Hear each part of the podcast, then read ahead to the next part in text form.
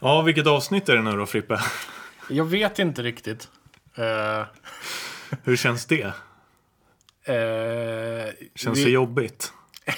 Jag tycker att du borde veta det eftersom du har länge har pikat mig om det här. Ja, vi har ju diskuterat det här en del och eh, kommit fram till att vi ändå ska ha avsnitt. Ja. Eh, avsnittsnummer, numrerade avsnitt helt enkelt. Men då måste man också veta vilket avsnitt man tillverkar just nu. Det, jag vet inte. Ja, det, när du klickar på det här avsnittet och lyssnar, då står det vilket avsnitt det är. Så kan det vi säga. kommer jag kontrollera i Det avsnittet är det, som det står att det är.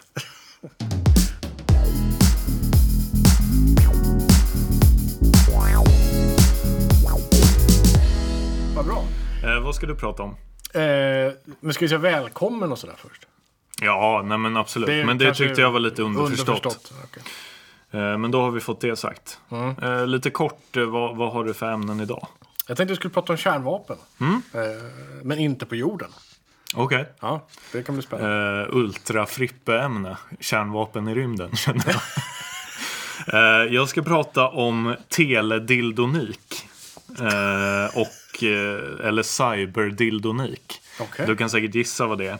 Och så ska jag prata lite om World of Warcraft Classic. Eh, och The Great Hack. En ny film från Netflix. Mm, just det, har jag hört talas om. Mm. Vad roligt. Vem börjar? Eh, jag kan börja. Ja, ja, Eh, ja. t- jag tänkte börja med The Great Hack.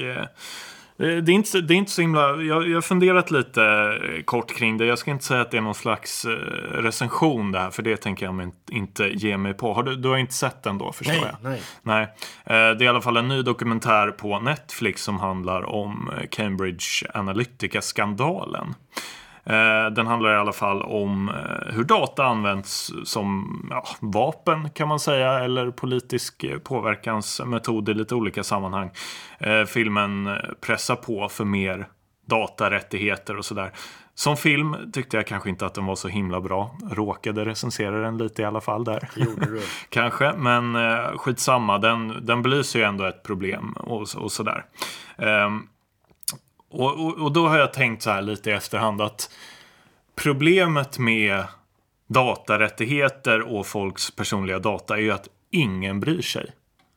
Det är ingen som, alltså ingen bryr sig överhuvudtaget. Man orkar ju inte. Det är för jobbigt att bry sig. Ehm, Ja, men det är alldeles för mångfacetterat. Det, det går ju inte att få en... att skapa sig en bild av det. Nej. Nej men precis och sen så är det ju för integrerat i ens liv. Alltså är du, hur seriös är du med, med sånt? I teorin så är jag jätteseriös, men jag använder fortfarande Facebook Ja, och Google eh, som sökmotor och, och liksom eh, Chrome som webbläsare. Mm. Då är man ju eh, väl spårad Ja säga. men precis. Alltså, är- vi tillhör ju de liksom eh, 10-20 procent som verkligen borde bry sig och, och liksom är intresserade i allmänhet och förstår och sådär. Men problemet är ju att inte ens jag bryr mig. Mm. Nej. Eller jag bryr mig ju egentligen fast jag orkar Man gör liksom inte bry Nej, Nej, nej, precis. Eh, två dagar efter jag sett den.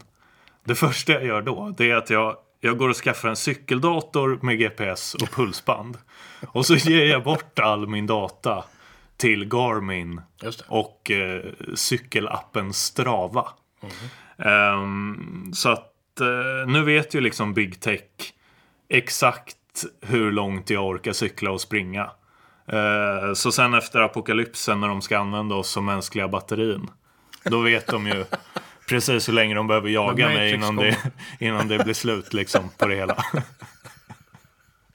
Ja. Nej, men så jag vet inte, jag har liksom ingen eh, egentlig poäng så. Eller poängen är väl att hu- hur ska någonting hända på den här fronten?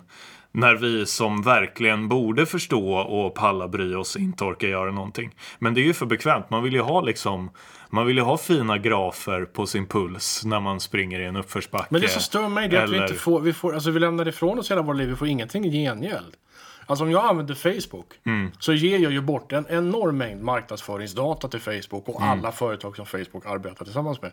Men jag får inget för det annat än att jag får använda appen där jag ger bort alla mina data. Nej exakt och, du, får- och lite bättre reklam får du. Du slipper reklam på skit som du inte vill ha.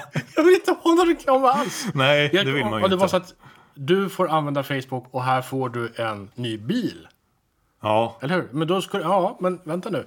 Det är kanske värt att ge bort alla mina personliga data, men jag får ju en ny bil. Det är ju kanske värt det då, kan man tycka. Men det, Ja, får, man ju, det får man ju inte. Man får ju ingen ny bil. Man får ju ingenting. Nej, man, får får, bara så irriterande avlägsna släktingar som är rasister på Facebook. Det är det man får. Ja, det är riktigt. Ja, exakt, exakt. Ja. Nej, jag vet inte. Jag tror inte vi kommer lösa det här problemet här och nu heller. Men det är ju ändå helt sjukt. Det, det kände, det, det, jag ska säga dock att när jag gjorde det här nu. Då kändes det ändå lite värre. För att det känns sjukt att ge bort sina hjärtslag liksom. Till ett företag. För det, det känns verkligen som att det är in på kroppen. Ja, sitter du och kollar på din klocka här som säkert mäter också mäter tiden. pulsen hela skickar tiden. till Samsung i Sydkorea. Ja. Ja. Du, fattar du att de är de första som kommer veta om du dör? Bara så knall och fall. Ja, ja. ja, det är sant faktiskt. Det är ändå sjukt. Jag tror att om eh, sådär 30, 40, 50 år i framtiden så kommer man att se tillbaka på den här epoken. Sådär 1995 till inte, 2025 kanske. Som förvirringens tid, när vi inte visste hur vi skulle hantera all den här datan. Då kommer vi veta det. Då kommer vi ha Men du tänker att det kommer lösa sig Ja, på, från politiskt håll då? Eller Ja, att man måste- bara. GDPrar upp allting liksom? Det tror jag. Det, Ja. måste, det måste man göra. Ja, kanske. Eller det kan väl gå två håll. Antingen så gör man ingenting och då får vi ju se en, en ganska dystopisk science fiction framtid där alla är övervakade hela tiden. Ja, det är den som är i mitt huvud. Att det är så Facebook-licensierade AR-15-vakter överallt. Ja, Så ser jag framtiden. så kan det ju bli. Å andra sidan så går ju det att göra alldeles utan sociala medier och det här. Jag menar Kina gör det ju idag Ja, helt det är utan inblandning från privata intressen. Det här är ju en statskontrollerad grej där Mm. varenda medborgare övervakas och får poäng för sitt uppförande. Mm. Eh, så. Ja, nej, egentligen så tror jag nog att det löser sig också. Men det är roligare att tänka sig den lite så Fallout-aktiga eh, spel postapokalypsen. Mm. Ja, det är sant. Det blir roligare så kanske. Det är om det i alla fall. Ja. Vad kul. Kärnvapenbomba Mars då? Mm, Det låter onödigt. Det låter onödigt, ja. Alltså nu är det ju inte så att det finns en massa fiender på Mars som vi behöver bekämpa. Eh, så vad vi vet i alla fall. Eh, eh, den här uppmaningen kommer från Elon Musk. Såklart. SpaceX. Eh, hans bil förresten har passerat ett helt varv runt solen nu kan jag berätta. Okej. Han sköt ju upp sin röda Tesla. Den skulle egentligen i omloppsbana runt Mars, eller till Mars skulle den. Den kom ju lite för långt och gick ut i asteroidbältet bortom Mars och sedan rundat solen nu då. Jag räknar fel. Och typiskt honom att så ställa till problem i rymdtrafiken. det är väldigt lite Nu måste alla så satellittillverkare förhålla sig till hans jobbiga Tesla som åker runt där uppe också. Eh, jo men Teslan är nu, alltså den är ju sedan sen länge katalogiserad som ett, ett, eh, ett, eh, vad heter det, en satellit, en konstgjord satellit. Så den har ett nummer, ett satellitnummer och allting. Så den går att följa. I alla eh, Eh, system. Den här uppmaningen, alltså då, den låter ju då, eh, den låter ju helt galen naturligtvis då. Eh, men herr Musk, han brukar ändå tänka tankar till slut innan han börjar twittra. Det finns ju andra här i världen som inte gör det. Utan som twittrar ut. Jag satt precis och tänkte på att han kändes som en så rymd-Trump. Nej, nej, det är han inte. Visst, han kommer med konstiga påståenden, men han har tänkt igenom för att han kan alltid motivera det och han gör oftast det antingen på eh, pressträffar eller, eller på ja, analytiker, analytikerträffar handlar det om för det mesta. Eller eh, i kommande tweetar. Liksom. Han brukar utveckla det och det har han gjort eh, även nu då. Eh, det är ju eh, kanske inte helt politiskt korrekt eh, att liksom på allvar prata om att använda kärnvapen överhuvudtaget. Sådär. Även om målet är andra planeter. Men eh, Musks idé då, den handlar ju om att, att eh, dra iväg eh, helt enorma eh, laddningar, alltså i stil med ett, tsarbomba. Känner du till tsarbomba? Ja. Det kan jag berätta, det var ju Sovjetunionens största termonukleära laddning, eller världens största termonukleära laddning. Den drog- drog- drogs över, den drogs av över eh, Novaja Zemlja, om jag minns rätt. Den här isbeklädda ön. Jag gissar att du minns rätt. När det Ja. handlar om kärnvapen. ska göra det. Eh, det var egentligen tänkt att, att utveckla eh, 100 megaton eh, i motsvarande TNT-trotylladdning då. Man hade dragit ner den lite för man var rädd för att atmosfären skulle fatta eld. Så man drog ner till 50 megaton, men det är ändå den största laddning som någonsin, det största kärnvapen som har tillverkats helt enkelt. Eh, så. Eh, det, det handlar om att Mars då har 1% av jordens atmosfär. Den består av koldioxid, kväve och argon. Och sen då helt oförklarligt lite metan då och då. Eh, som fluktuerar. Ingen vet varför. Det kan vara liv alltså eh, på Mars. Eh, bakteriellt liv. Eller någonting helt annat. Men lite metan då och då. Det är hur som helst ingenting vi kan andas det här. Eh, men däremot så finns det då enorma mängder vattenis vid Mars poler. Eh, så mycket så att det skulle räcka till ett meterdjupt vattenlager över hela planeten om det smälte. Och då har vi inte räknat med den is som finns bundet i, eh, i Marsjorden. Eh, så, för det blir ju då ännu mer, alltså det räcker till oceaner totalt. Men mest alltså på polerna. Och kan man förånga den här isen så kommer merparten att hållas kvar av Mars gravitation och skapa då en, en tjockare atmosfär. En atmosfär som inte bara består av koldioxid utan som också består av syre. Det är ju vattenis då det handlar om. Du, har du sett eh, Total Recall, den här första filmen med Arnold? Oj, nej faktiskt inte. Okay. Den går ju ut på, hela grejen är i slutet på filmen så har han eh, Eh, Eh, kommer fram till, till rymdisarnas bas och där, där finns ett, ett handtag, han sätter ner sin hand och då sänks då så varma järn ner i, i polarisen och så smälter den och så förångas den. Och så får Mars en atmosfär på nolltid. Så, väldigt fint. Eh, och eh, ja, det är ju det här då som Musk vill göra med kärnladdningar. Och det låter ju helt bakvänt, för hela Mars skulle bli obeboeligt om man sprängde av enorma laddningar. Flera stycken längs polarna skulle regna ner radioaktivt damm och så. Men mm, ja, kanske inte ändå, för Musk har ju alltså då tänkt några varv på det här. Det handlar om att avfyra en serie kraftiga termonukleära, termonukleära laddningar ovanför atmosfären. Eh, och de är då konstruerade, tänker han sig, för att inte skapa något radioaktivt nedfall, 100% förbränning och sådär. Och det går att göra. De testsprängningar man gjorde ovanför jordens atmosfär på 60 70-talen, de visar att det blir inget nedfall. Det disapperar, som det heter, i rymden. Så sprängkraften hos ett kärnvapen i sig har ingenting med saken att göra, utan det är värmen som då Musk vill åt. Och spränga en kärnladdning innebär i allt väsentligt att man skapar en mycket kortvarig stjärna precis ovanför polerna. Och det kommer att smälta is. Det, det är inget snack om det. Hur mycket is? Ja, det beror på laddningarnas storlek och, och antal. Så. Och sen har vi min YouTube-favorit Scott Manley. Eh, som lägger sig i allt med rymden att göra. Och han har ju en astrofysikerutbildning att, att luta sig mot. Han brukar kommentera Kerbal Space Program till exempel, mm. min favorit. Och gör det ur ett vetenskapligt perspektiv kan rekommendera den YouTube-kanalen för övrigt. Han föreslår att man istället då omdirigerar några asteroider som får kollidera med Mars poler. Och då kan man räkna på massa och hastighet och komma fram till att det kanske nog är bättre än kärnvapen ändå. Därför då finns inget radioaktivt nedfall. Och då har vi räknat lite, jag har räknat lite på Om vi tar den här kometen eh, Churyumov-Gerasimenko eh, som vi har landat på, den här landaren Fil, File, Filae, Filea, vad den hette. Om du minns, det hamnade snett i en liten mm. skreva och tappade kontakt med jorden till slut. Den här eh, kometen är fyra kilometer i, i omkrets. Grovt räknat. Den är, ser ut som en jordnöt så det är lite svårt. Men vi säger fyra. Fyra kilometer. Om den landar då, rätt mot Nordpolen på Mars i 90 graders vinkel. Och då med en hastighet som är eh, sådär 20 kilometer per sekund. Ganska normal hastighet för en, en asteroid som landar på en, på en himlakropp. Då frigör den en miljon megaton. Och vi tänker SAR-bombar då frigjorde 50. Eh, så det är en ganska kraftig laddning. Eh, det här föreslår eh, Scott Manley och får en del medhåll från astronomhåll. nu kanske just den här asteroiden är lite för mycket. Det blir väldigt inte så mycket kvar utav. Nej, jag tänkte Nordpol. man ja, skickar kanske Mars ur bana och sånt där. Eller är det... Nej, nej det... så kraftig är den inte. Nej. Den skulle inte påverka Eh, den skulle eh, påverka lutningen av Mars mindre än 0,5 grader, men det är allt. Eh, sådär. För jag tycker det känns obehagligt om vi börjar skicka ut grejer som sätter olika banor ur spel och sen helt plötsligt så krockar vi med Mars, typ. Det vore ju spännande alltså. Ja, vilken, och dåligt vilken tror jag på magnifik undergång för ja. allt liv på jorden.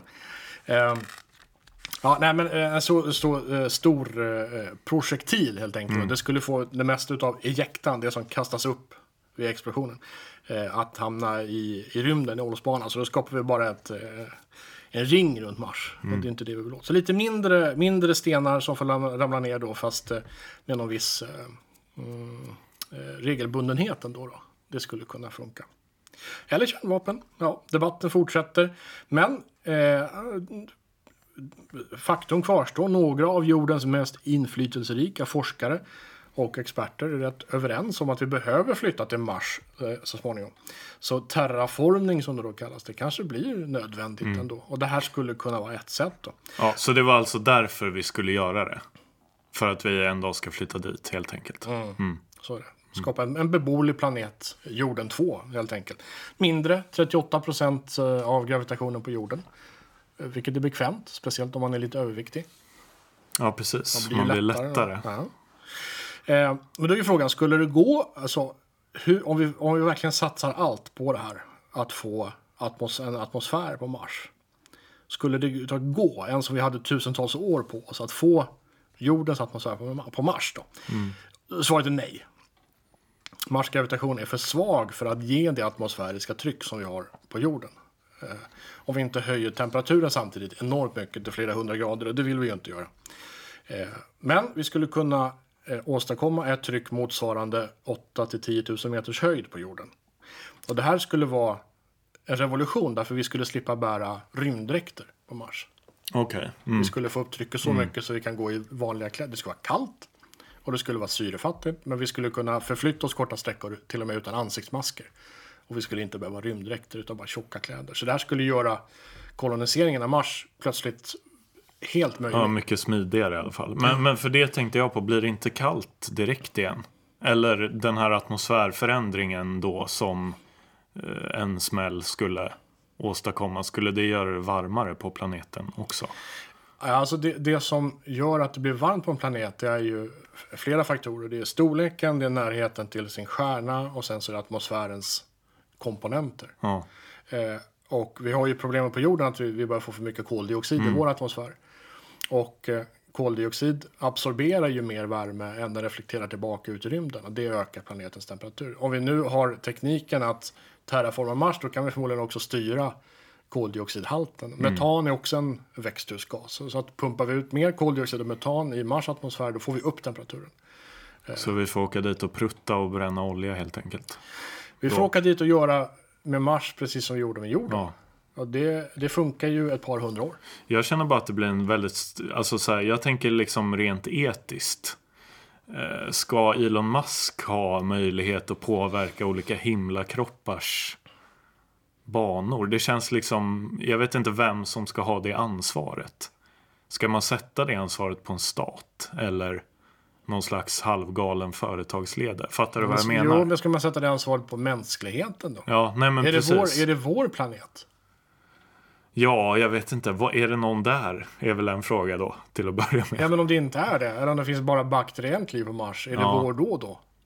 Kan vi inmuta precis som vi gjorde med kolonier Ja, för eh, 400 år sedan? Och bara säga att nu är det här Jag vet inte om man kan liksom applicera teorier kring kolonialism på bakterier. Det känns lite långsökt. Mm. Men om det är mer utvecklat så börjar det bli en fråga, tänker jag. Och sen om det så länge det är säkert för jorden, liksom. Men jag vet inte, Det det, finns- där är ju liksom en lite intressant fråga, tänker jag. Vi kanske får återkomma till det, men, men det finns ju teorier som säger, om tittar vi på jag menar, du har Drakes ekvation till exempel som, som försöker svara på frågan finns det annat intelligent liv i, ja inte universum, men i vår galax. Vi kommer ju aldrig kunna resa till andra galaxer, men, men i vår galax finns det, an, finns det intelligent liv.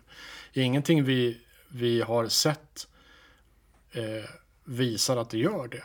Det finns indikatorer som tyder på att det finns förhållanden för liv på andra ställen, men vi har inte lyckats se några spår av det här livet. Om andra civilisationer där ute gör som vi människor har gjort, att vi skickar ut robotar att göra vårt arbete först. Och det är förmodligen så man kommer att göra. Alltså det, det gör vi ju redan. Vi har ju skickat, det vi har skickat till Mars det är ju ett, ett, ett stort antal rymdsonder och landare och månbilar som har kört runt där. Och det är ju robotar. De är avancerade men det är ändå robotar. Sannolikheten i så fall om vi stöter på en annan civilisation är ju att vi stöter på deras robotar först. Vi har inte sett ett enda spår av andra civilisationers robotar någonstans. Ingenting. Vi, vi, vi, vi ropar ut i rymden och vi har inte hört ett enda eko. Ingenting finns där ute. Kan det vara så då att vi är den enda civilisationen just nu i det här havet av tid? De här ionerna som har passerat och som kommer att passera. Att just nu är vi den enda civilisationen och därmed har vi också ett intrikat ansvar för allt liv eh, i, i galaxen. Men då tänker jag, om man tänker ännu ett steg till så behöver ju inte en annan livsform uppfatta saker och ting som vi gör. Det är ju inte säkert att vi ens är på samma plan rent liksom eh, medvetandemässigt. Nej, men då är det heller ingen civilisation. Ja, om de inte står över oss så är någon slags eh, interdimensionell... Fattar du vad jag menar? Ja, men då behöver vi heller inte bekymra oss om dem, för då existerar vi inte i samma dimensioner. Mm. Alltså, äh, om, om vi är de enda som finns i det vi uppfattar som här och nu, då är det det enda som är väsentligt i vår uppfattning av etik och moral i en situation där. Ja, kanske. Ja. ja, jag vet inte. Det där det är en känns... intressant eh, eh, ja. tanke i alla fall. Det kan, det kan ju vara så att vi har ett ansvar att faktiskt kolonisera eh, våra, våra närmaste himlakroppar. Att det ligger i så att säga, civilisationens Jaha, du menar så? grundtanke. Ja. Ja, att vi har ett ansvar och sen ta hand om, alltså att förvalta. Ja, fast det är vi ju inte så bra på. Historiskt har vi inte varit det, nej, det är riktigt. Så det känns ju som att vi då kommer paja mer än... Vi kanske kan kolonisera och sen så lämna över det till vår avancerade AI vi kommer att utveckla. Mm, ja, men det 50 åren. låter som en bra idé. Mm. Eh, WoW Classic, har du spelat World of Warcraft? Jag har testat ett par gånger, kom aldrig riktigt in i det. Jag gick runt och slog ihjäl djur med ett svärd för att levla upp. Mm. Men gjorde aldrig det och sen tröttnade jag. Det var tråkigt. För Det kändes som ett spela- jobb direkt, eller? Det kändes som ett jobb och sen så kunde man inte se grejer ur första persons perspektiv. Jag Ja, okej. hatar spel om man inte kan se grejer ur sina egna ögon. Ja, jag ska väl ärligt säga att jag har lagt någon timme på det där spelet i alla fall. Kanske inte, inte ett av mina mest spelade, men det är nog ändå lite för många timmar, kanske. Vad heter din figur? Eh, oj, det minns jag inte ens. Ja, då- jag har då- haft flera stycken. Men jag det- har, jag har inte spelat så otroligt mycket ändå. Eh, den 27 augusti släpps i alla fall WoW Classic. Eh, och det här är ju då ett spel som baseras på en av de första patcharna eller upplagorna kan man säga av det här spelet. Det har ju eh, hållit på och, eller ja, spelet har ju pågått egentligen i- 15 år eh, kan man säga, så att det har ju hunnit hända en del. Eh, man kan max eh, vara level 60 då, eh, som var ja, den högsta, eh, högsta graden på karaktär på den tiden och inget av det liksom lull-lull som finns i spelet är med idag. Eh, jag spelade inte personligen då på den tiden, jag hoppade på tåget lite senare. Men folk är ju som galna nu Eh, gamla spelare. De är ju extremt eh, peppade på det här. Och tillverkaren då, Blizzard, men vänta nu, det är alltså en, en gammal version av det är den, World of Warcraft som den släpps. som det var när det kom 2004, 2004 eller 2005. Varför vill man ha det? Jo, men jag tänker att det är någon slags eh, nostalgigrej. Vi kommer lite till det i alla fall. Mhm. Eh, tillverkaren har gått ut nu med att eh, det är på PVP-servrarna. Det är alltså sådana servrar där man kan eh, slåss med andra spelare lite hur som helst. Det kom, de kommer att kunna ha upp till 10 000 personer i kö Eh, nu när spelet släpps. Och eh, de menar att man då ska välja alternativa eh, servrar och inte de, de populäraste. Eh, men som sagt, det är ett spel som har funnits sedan 2004-2005, lite beroende på var man bor då, USA eller Europa. Det har patchats i typ 15 år och nu släpper man alltså en version som bygger på den första upplagan. Eh, många av mina kompisar står i kön. Eh, jag spelade aldrig så mycket så jag känner mig inte så himla intresserad. Jag tror att man kommer tröttna jättefort. För det det här bygger på måste ju vara någon slags nostalgikänsla. Förstår du vad jag menar? Det är liksom inget nytt spel. Jag, jag, Utan- jag, utan fattar inte, som- jag fattar inte grejen. Varför vill man ha ett gammalt... De, har ju utvecklat det här spelet i 15 års tid. De har ju inte spelat Men det. många menar att det har blivit sämre under den här tiden. Hur då? Ja, men de har lagt in för mycket skräp och det har blivit för enkelt. Det var liksom svårare i början, menar det är ju många. bra då. Ja, eller det kan Men väl det vara bra vara, alltså, grafiken den måste ju vara snyggare nu. Ja, än marginellt skulle jag säga. De har ju inte gjort jättemycket. Så. Okej. Eh, Men jag tänker att folk inte kommer spela så himla länge. Det känns lite som att reboota en film. Till exempel. Fast, Jag köpte, jag kan, alltså, en parallell. Jag köpte nyligen spelet eh, Wolfenstein Youngblood. Där man, senaste delen i, i Wolfenstein 2, eller 3-serien kanske till och med. Man spelar ett tvillingpar systrar som slåss mot nazister i, i 80-talets Paris. Jättesnyggt och så. Och eh, när man kommer till sitt safe house där man eh, utrustar sig med, med nya, mer ammunition och nya vapen och levlar upp och sådär. Där finns också spelkonsoler som man kan då eh, gå in till och sen så kan man spela Wolfenstein 3D från 85 eller när det här kom. Eh, som är då ett 2D. Ja, Det är ju jättegammalt, allt i pixel, allt är skitfult. Och då, väldigt klassiskt spel ändå. Vä- ja, det här satte ju standarden för, Mm. eh, för 3D-shooters. Alltså vad som ledde fram till Doom och till, till Quake och de här spelen. Så att, eh, absolut stilbildande på alla sätt, men jättegammalt och jättefult. Så att i spelet så går man ju fram till konsolen och säger Ja, Wolfenstein 3D, det här, är jag inte, det här spelade jag när jag var vadå, 19. Liksom. Då måste jag ju testa igen. Och så testar man det i 20 sekunder och inser att det här är ju, det är ju skitfult, jättetråkigt och, eh, och så slutar man igen. Du är ingen nostalgiker helt enkelt. Ja men det, man känner ju, ja men det var ju kul då liksom. Men, men ja. Ja, nej, vi får väl se hur det går. Jag tror att det kommer vara hysteri från och med då den 27 augusti i kanske en månad och sen kommer det lägga sig, tänker jag. Kommer du att testa det? Nej, jag kommer inte orka. Jag är inte så intresserad. Men det är kul att se, för det känns som att den, det är liksom den första... Det här är ju någonting som vi kommer att se mer av, tror jag, ändå. För att nu har det här spelet funnits i 15 år. Och man har släppt uppdateringar, man märker väl att spelarbasen börjar sina lite och så sitter man och tänker, ah, hur ska vi tjäna pengar på det här? Så kommer man på den här idén. Och så, ja, nu får vi se hur det går då. Jag tänker att de säkert drar in en, en bra hacka på det här. Eh, och lite ändringar har de ju säkert gjort eh, för att få det att flyta bättre och så. För det var ju rätt eh, buggigt och, och lite sådär i början. Ja men retrotrenden är väl stark fortfarande? Alla ska ha skivspelare och man spelar Ja, 8-bitars spel. precis. Och... Men alltså hur retro är 2005? Ändå. Det känns lite för nytt så. Men, men, men det är ju en spelserie som har dundrat på i en massa år liksom. Så att något nytt måste de ju göra. Vi får se hur det går helt enkelt. Vad vet du om eh, det kinesiska företaget Huawei? Ja, att det har gått lite knackigt på senare tiden. Ja, det kan man säga.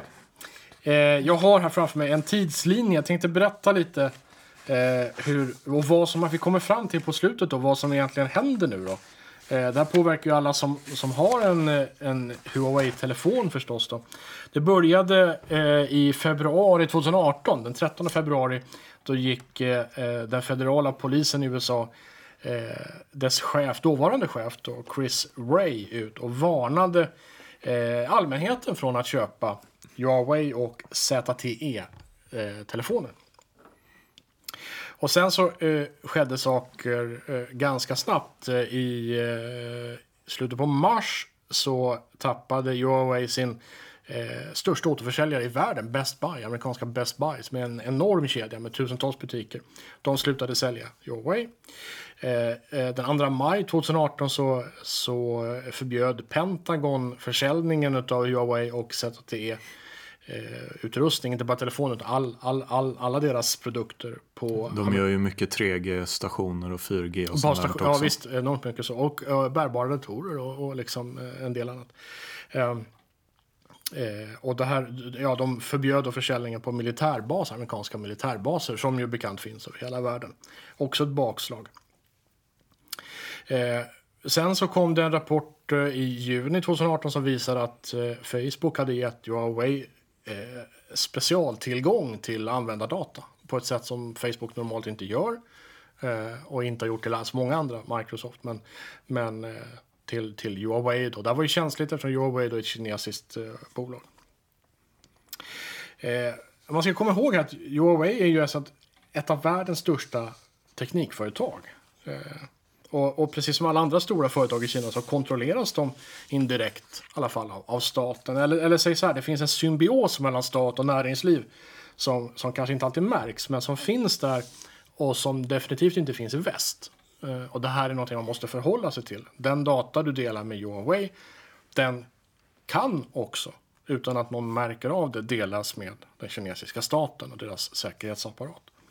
Eh, och det måste man ta ställning till på något sätt. Eh, och om Trump då vill föra krig mot teknikföretag som, som, som kanske inte vill spionera, men som gör det ändå indirekt därför att den här symbiosen finns. Ja, men då måste han ju rimligtvis föra det kriget mot alla tekniktillverkare då, inte bara Huawei. Vi ska återkomma till det. Eh, det här påverkar inte, den här långa räckan händelser påverkar inte direkt Huaweis försäljning. Eh, augusti förra året, första augusti, så eh, blir man världens andra största telefontillverkare. Eh, och Apple då, Samsung är störst. Så det handlar om att Apple hamnar på tredje plats. Eh, då. Eh, det här eh, togs i USA inte som någon god nyhet kan vi säga. Eh, det här börjar nu vända sig även mot utlandet. Det verkar som att amerikanska intressen då riktar sig mot sina allierade. Eh, Storbritanniens British Telecom säger att de tänker ta bort all Huawei-utrustning från sitt 4G-nät senast 2021. Man kommer inte att använda dem i sin 5G, eh, eh sitt 5G-nät. Eh, och eh, det här eh, fortsätter då eh, USA börjar eh, anklaga Huawei för att eh, stjäla patent och använda teknik mot USA. I eh, mars i år så eh, har USA uppenbarligen då talat, talat om för Tyskland att de måste eh, droppa Huawei eller så, så minskar eh, deras eh, underrättelseinhämtningssamarbete i, i omfattning. Eh, det här är något som är viktigt i Tyskland Bland annat därför att Tyskland inte har någon egen underrättelseinhämtning utan på, av historiska skäl. Eh, utan man, man, eh, man är beroende av sina partners där då. I mars, den 14 mars så går Huawei ut och berättar att man håller på att ta fram sitt eget OS ifall man inte kan använda eh, Android eller, eller Windows som det har kommit eh, hot om. Eh, 21 april så går CIA ut och säger att Huawei är finansierat av den kinesiska statens säkerhetsapparat. Då. Det är första gången som man säger det öppet. Och den 30 april så går Vodafone ut och säger att man har hittat dolda bakdörrar in i Huaweis utrustning. Eh, det här är omstritt, eh, men Vodafone i alla fall står ju eh, fortsatt bakom det här. Då. Eh, Huawei började slå tillbaka. Den 29 maj så eh, stämmer man USA eh, i domstol för att eh, få till en, en, en dom då om, om att eh, det här försäljningsstoppet eh, är okonstitutionellt helt enkelt. Att det strider mot USAs grundlag. Det har inte gett något utslag än då. Eh, men Huawei går också ut en, en eh, mm, en styrelseledamot på egen hand tycks, tycks det vara och går ut och säger att företaget skulle vara berett att underteckna en icke-spioneringsdeal med USA. Alltså att man får fortsätta sälja utrustning i USA mot att man lovar att inte spionera. Men det här kan ju också uppfattas som att ja, vi har ju spionerat upp tills nu. Ja, ja men precis. men om vi snälla lite... kan få fortsätta ja. Eh, så lovar vi att sluta. Ja, det är också lovar att inte spionera. Ja. Eh. Så det, det låter ju, det klingar ju märkligt mm. kan man säga. Eh, så. Och så här fortsätter det. Alldeles nyligen, den 9 augusti, så gick Huaweis licens att förinstallera Android ut. Så nu kan man inte längre installera Android. Eller kanske man kan det, för nu har Trump eh, alltså, nyligen för, alltså först då, det här kommer några veckors mellanrum, eller ett par veckors mellanrum. Först så har man bestämt att, eh, eller Trump har då bestämt att man ska lyfta en del av sanktionerna. Därför att användarbasen i USA är så stor. Så man vill att, han vill att hans väljare ska kunna fortsätta använda Huawei-telefoner helt enkelt. Ett par veckor senare så säger han att nej, sanktionerna kvarstår. Lite osäkert var man står just nu. Eh, så.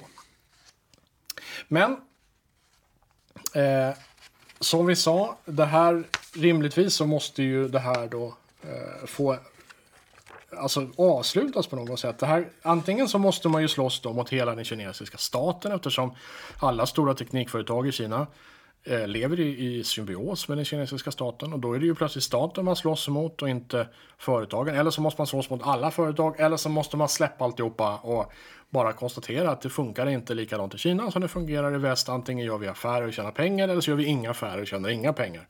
Och det är ju det här som Trump har att, att välja mellan. Och ja, din gissning är lika god som min vad som kommer att hända nu. Jag gissar att eh, Trump kommer att eh, fortsätta slåss mot eh, kinesiska företag. Listan på företag, Huawei, ZTE, kommer att växa. Det kommer bli fler företag som han måste eh, kämpa emot. Jag vet inte, vad tror du? Ja, frågan är ju hur länge det håller. Alltså det kommer ju att börja ge ganska kraftiga utslag på världsekonomin om man fortsätter. Ja, men det gör det ju redan. Eh, Börsen Jo. har ju, har ju vänt till USA och det, recession hotar. Och, Så är det ju, men I frågan är ju hur långt han vågar pusha det liksom. Mm. Innan det ser för illa ut. men han kanske inte vågar pusha så mycket nu då eftersom valet eh, nästa år är viktigt för honom. Mm. Men när han sen blir återvald så kan han ju fortsätta några år till då och kämpa mot väderkvarnarna. Ja, det är svårt att säga. Det är intressant det där tycker jag. Um, framförallt för att jag själv har en sån telefon. Mm. Men eh, I förlängningen så hotar ju här oss alla. Just nu så är det Kina som står under lupp. Kinesiska företag. Eh, men alla företag över hela världen eh, är inte nödvändigtvis helt eh, okej att handla med. Det finns, eh, det finns eh, tveksamma företag eh, runt eh, hela jorden. Dessutom våra telefoner innehåller inte komponenter från en enda tillverkare utan en mobiltelefon eller en dator eller en tv eller egentligen vilken teknikprodukt som helst innehåller komponenter från ett stort antal tillverkare. Om en, en enda av de tillverkarna inte längre får leverera den kretsen till den här telefonen eller tvn eller vad det nu är för någonting. Då kan ju inte den produkten längre tillverkas. nej. Och har du just köpt en sån produkt då har du ju ingen, du får ingen support, program kommer inte funka eller vad nu är effekterna. Någon effekt blir det ju alltid. Så var ska man dra gränsen någonstans då? Jag Ja. har ingen aning. Nej, vi får ju se. Jag vet inte, har, har någon av de nordiska regeringarna uttalat sig egentligen om det här? Jag vet liksom inte var, var vi står eh, i förhållande till Huawei till exempel.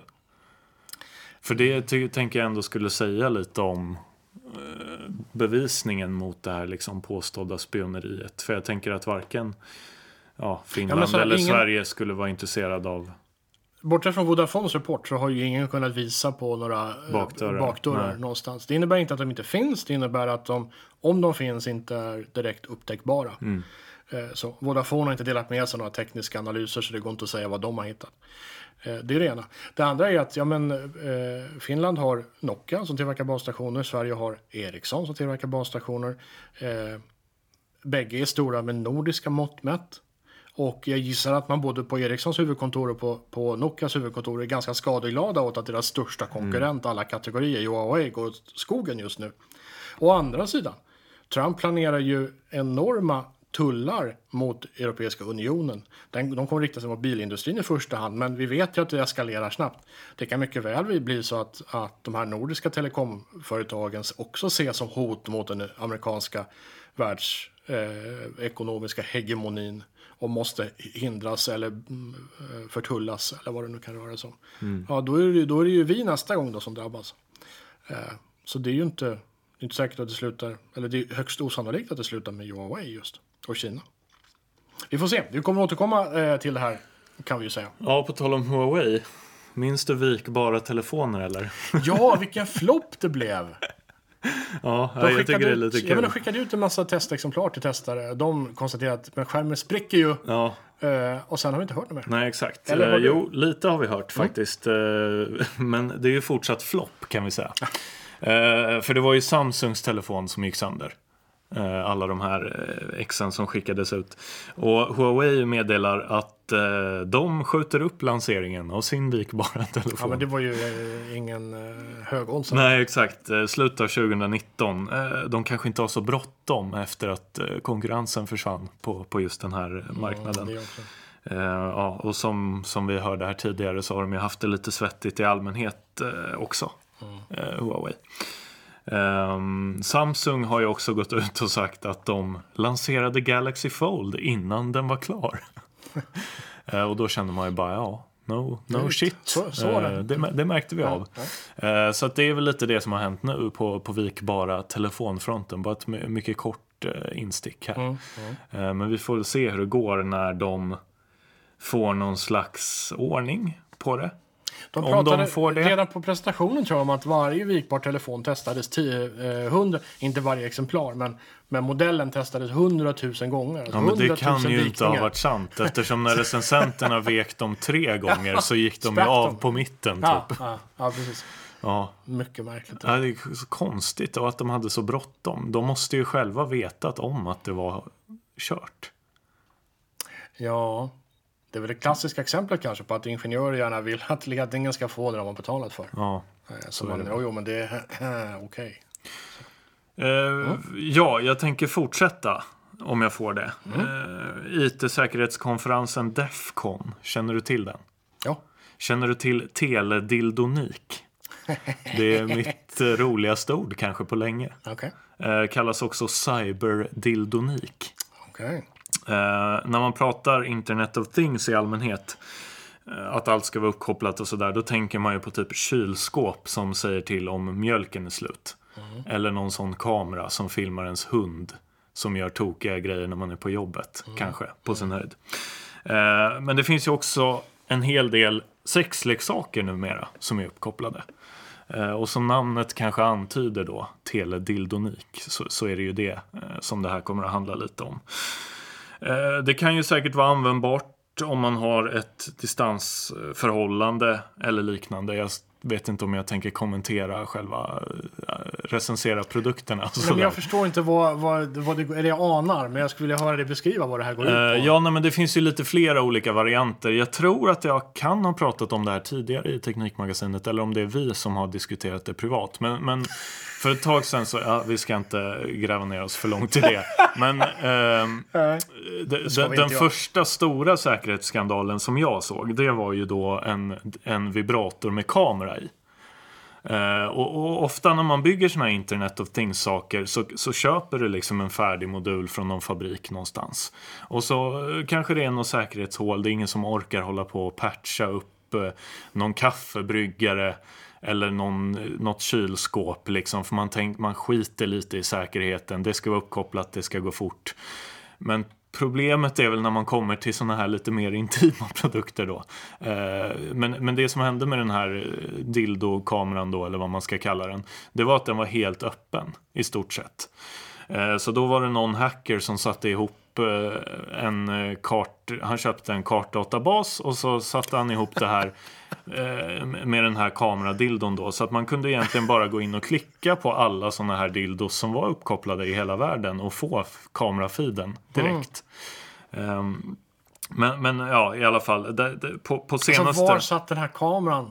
Längst fram. Men liksom. vem vill se? Ja, nej, men Vem det, det här, det? jag tänker inte hålla på och moralisera över det. Jag, jag vet inte. Jag, jag, jag, liksom, jag tänker inte värdera det här överhuvudtaget. Produkterna finns, det uppstår intressanta frågeställningar Ja, det kring det här. Eh, På senaste Defcon så höll i alla fall hackern Smi ett, föredrag, ett eh, föredrag där han eh, pratade om buttpluggen Lovens Hush. Ehm, och den här buttpluggen går då att eh, fjärrstyra. Eh, lite vibration och, och sådär. Eh, I hela själva funktionaliteten. Och så där. Ja, den skakar olika mycket beroende på vad den personen som har appen trycker på. Ah, okej. Så kan vi sammanfatta Ja, det. bra. Den här går ju tyvärr såklart att hacka. Och, ja, och som sagt, det är ju ingen ny företeelse det här egentligen. Den här dildo-historien som jag pratade om här tidigare. Men, men, men det som var lite extra intressant i hans företag, i föredrag var att han hade tänkt ett steg till. Eh, för vad gäller lagstiftning och, och brottsrubriceringar eh, sådär, så, så att hacka en buttplug eller någon annan teledildonisk apparat. Skärp dig nu, vi är inte 12 längre. Det, det, det här jag är, försöker! det här är, men ämnet är ju bisarrt. Ja, det är ju det är ju bisarrt, men det är det som gör det intressant. Det, men, men, att hacka en sån här produkt blir ju ett dataintrång, såklart. Japp.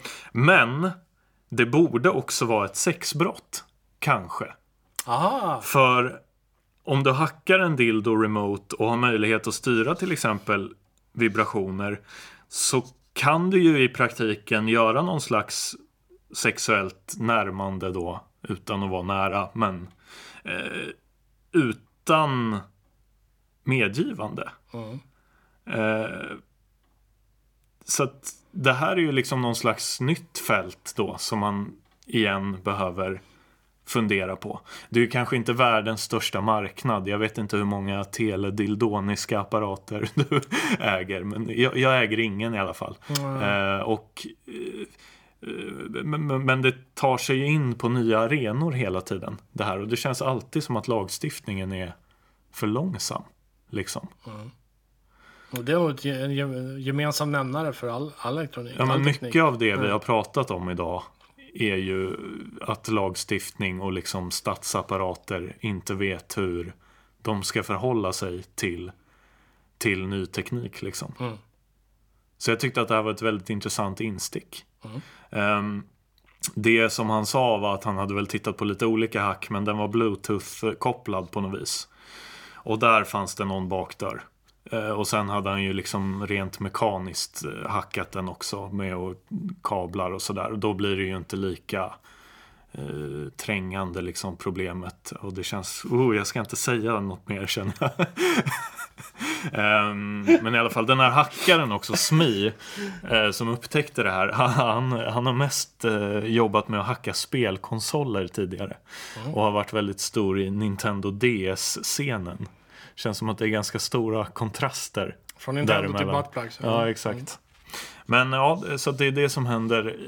Eh, Jag- Jag ville mest säga teledildonisk många gånger. Det var därför jag överhuvudtaget valde att ta upp det. Men i alla fall. Är Så kan det gå. Kommer, kommer återvända till i framtiden tror du? Ja, men det kommer, vi kommer ju säkert få, få prata mer om det här. Jag tänker att det här är väl en växande marknad. Liksom. Eh, sex och snuskbranschen driver ju alltid såna här grejer. Det är som den här klassiska VHS Betamax eh, frågan.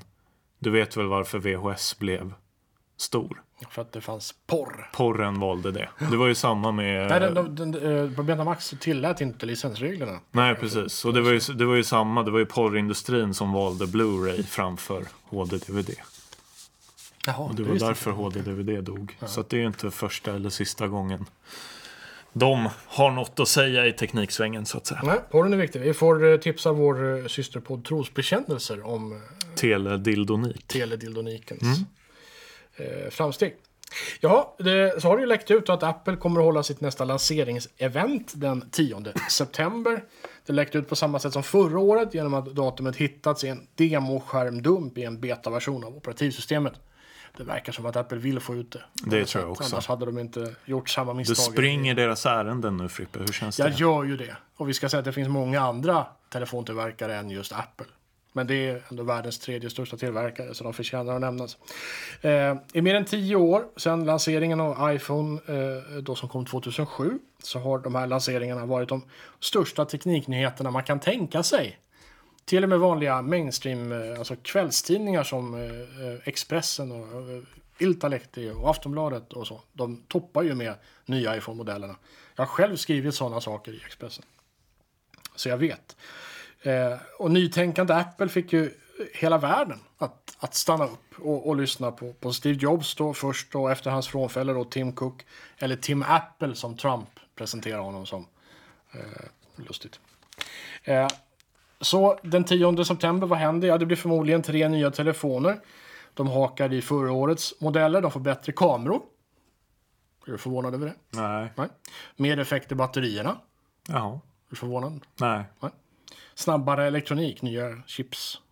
Känns det? Väntat. Och det är samma sak med Samsung förstås. Bättre kameror, mer effekt i batterierna och snabbare elektronik. Och det, det verkar som att konceptet mobiltelefon har nått sin fulla potential. Jag tror att det är så. Tänk på det här ett par- år också. Det känns som att det har varit så här nu. Ett tag. Ja. Och vi har något, men jag, eftersom jag gillar teknik så har jag tänkt att men det kommer att komma nya häftiga grejer som vi inte har tänkt på. 3D-kameror eller hologramskärmar eller vikbara telefoner som jag ju snöat in på helt här tidigare. Eh, så. Men det, det händer ju inte, utan det verkar som att, att det, det är så här bra det blev, den här uppfinningen mobiltelefon. Eh. Alltså framförallt på chipsidan har jag tänkt på ganska länge när det kommer till både mobila och liksom stationära eh, produkter som ska göra beräkningar. Det har ju börjat liksom Hårdvaran har börjat springa ifrån lite. Man behöver ju inte, mm. alltså även som lite mer avancerad användare då som kanske spelar lite eller redigerar någon video ibland så behöver man ju inte ha de bästa grejerna längre mm. Mm. som det var förr. Uh, och, och, det, det, började ju om på något sätt med mobiltelefonerna att, att de var ju långsamma och trötta i början. Liksom. Uh, men nu klarar man sig med en ganska gammal mobil även om man gör lite mer avancerade saker på, på mobilen. Ja, men det är det att kraven ställs. Om vi, om vi tittar på, på just datorer så, är det ju, så håller jag med om din beskrivning. Alltså hårdvaran då är snabbare än vad du egentligen behöver. Eh, kanske med undantag för, och det är det här som har skapat ett nytt driv i eh, datorindustrin, 4K. Mm. Därför att det mesta på YouTube, eller väldigt mycket i alla fall, och allting på Netflix som är nyproducerat, det kommer i, i 4K. Och 4K kräver eh, alltså fyra gånger så hög databeräkningskapacitet för att rendera till exempel CG-effekter eller bara för att rendera vanlig film så krävs det ganska mycket dator. Men framförallt så krävs det lagringsutrymme. Betydligt mer lagringsutrymme nu än tidigare. Det har fått hårddisktillverkare, både konventionella och SSD-tillverkare att se eh, en ny gryning där ute för att det, det eh, växer eh, snabbt. Mm. Men det är också där som tillväxten har skett. Alltså processorer framförallt och lagringsutrymme. På telefonsidan så finns det inga applikationer, inga tillämpningar som kräver någonting nytt av. Med litet undantag för AR, augmented reality, förändrad verklighet. Eh, så. Eh, men det har ju egentligen inte heller inneburit någon revolution för att det finns några spel som känner av vad bordet är så du kan skjuta på fiender. Ja, det är ju ansiktsfilter som är den största ja. användningsområdet idag. Liksom, Exakt, för det. precis. Det, det är där det har hamnat. Men det är ändå inte så stort tillämpningsområde så att det kräver ny hårdvara. Så att det finns ingenting som driver hårdvaruutvecklingen på telefonerna. Mobiltelefonerna behöver inte bli snabbare på någonting. De är precis så snabba som krävs. De hade kunnat vara mm. långsammare. Jag tror att det är kamerorna som kommer att vara grejen här några år framöver nu. Mer eh, liksom eh, beräkningsbild och eh, flera sensorer och den typen av, av grejer. Där tror jag att det, det är det som telefontillverkarna kommer att trycka på. Mm. Fram tills de hittar på en vikbar mobil som inte går av. ja, Eller något annat nytt. Jag tror att eh, Google var rätt ute med sina Google, Google Glass faktiskt. Som de la ner för några år sedan. Ja, fast det förflyttar... är ju det där med att få folk att ha på sig grejer. Det har ju visat sig vara ganska svårt. Mm, ja. ja, men någonting som kopplas in i hjärnan direkt då? Ja, ja det kommer ju nog också vara svårt tror jag. Jag tänker någonting, någonting, som, på. Eh, någonting som ligger närmare våra mänskliga sensorer än vad en telefon i handen gör. Ja, men fatta om det är problem med teledildonik att det finns bakdörrar. Fatta om det finns en bakdörr in i din hjärna då. Det är ju trist. Eh, ska vi avsluta? Vi har, eh, vi har några minuter kvar mm. faktiskt. Eh, ska avsluta eh, med någonting som vi sällan pratar om i Teknikmagasinet, nämligen politik. Ja. Det kan vara teknik också. I Brasilien härjar just nu eh, 75 000 skogsbränder. 75 000 skogsbränder. Dels handlar det om helt naturliga bränder. Det brinner alltid under torrsäsongen i Brasilien och det, det är ett känt faktum. Det är natur Eh, Eh, det, det händer. Sådär. Men det handlar också om, om avskogning där skog eldas bort för att ersättas med jordbruksmark. Brasiliens president Bolsonaro kandiderade bland annat med budskapet att det ska bli lättare att använda skogsområden för ny bosättning och ny markanvändning. Och hans eh, Trump-liknande utfall mot vad han kallar skogskramare, men de finns att se på Youtube om man vill, om man vill kolla på det under hans kampanjtal. Och folk påverkas av politisk retorik. Det har vi sett i eh, även andra länder kan vi säga. Eh, och det har ju ökat antalet avskogningsbränder ganska markant, upp med 35 procent. 35 procent! Tittar man från rymden, från NASAs satelliter, så ser man att hela Brasilien pyr av, av rök. Det kommer rök från små, eh, överallt liksom. Eh, jag ska säga att det är eh, egentligen alla rymdstyrelser runt om i världen värda namnet utom Brasiliens egen som har publicerat de här bilderna på Brasilien som brinner. Eh, därför att eh, Brasiliens rymdfartsmyndighet, som är ganska stor, de har eh, egna satelliter och de har egna raketuppskjut. De ligger ganska långt framme, eh, ska säga. De la, upp, la också upp då data och bilder över ett brinnande Brasilien. Eh, också med historiska data som visar brändernas antal och omfattning över tid och sådär. Eh, Bolsonaro då, presidenten, han hävdar att nej, de har inte alls ökat och om de har ökat, vilket han inte tror att de har gjort, så är det skogskramare som anlagt bränderna för att få myndigheten att framstå i dålig dager. Varpå han sparkade chefen för rymdfartsmyndigheten som publicerade korrekta siffror. Mm. En skön kille, Bolsonaro. Trist. Teknikfientlighet. Ja, och eh, någon slags regnskogsfientlighet. Brukar väl kallas för jordens lungor eh, Amazonas. Ja, just det. Så det är väl typ, eh, ja, vad kan det vara? Det här eh, hittar jag på lite nu, men jag tror att det är typ 20 procent av jordens eh, syretillverkning som eh, Amazonas står för. Mm. Så att det får ju lite tråkiga följder då, tänker jag. Om man eldar del. upp hela. Mm. Mm. Just det. Detta om detta. Det stämmer bra. Ja. Uh, hur lyssnar man på det här? Det vet man ju såklart eftersom man redan har lyssnat på ett avsnitt. Mm. Kommer jag på. Det är svårt det här med internet och poddar och sånt. Teknik. Mm. Knepigt.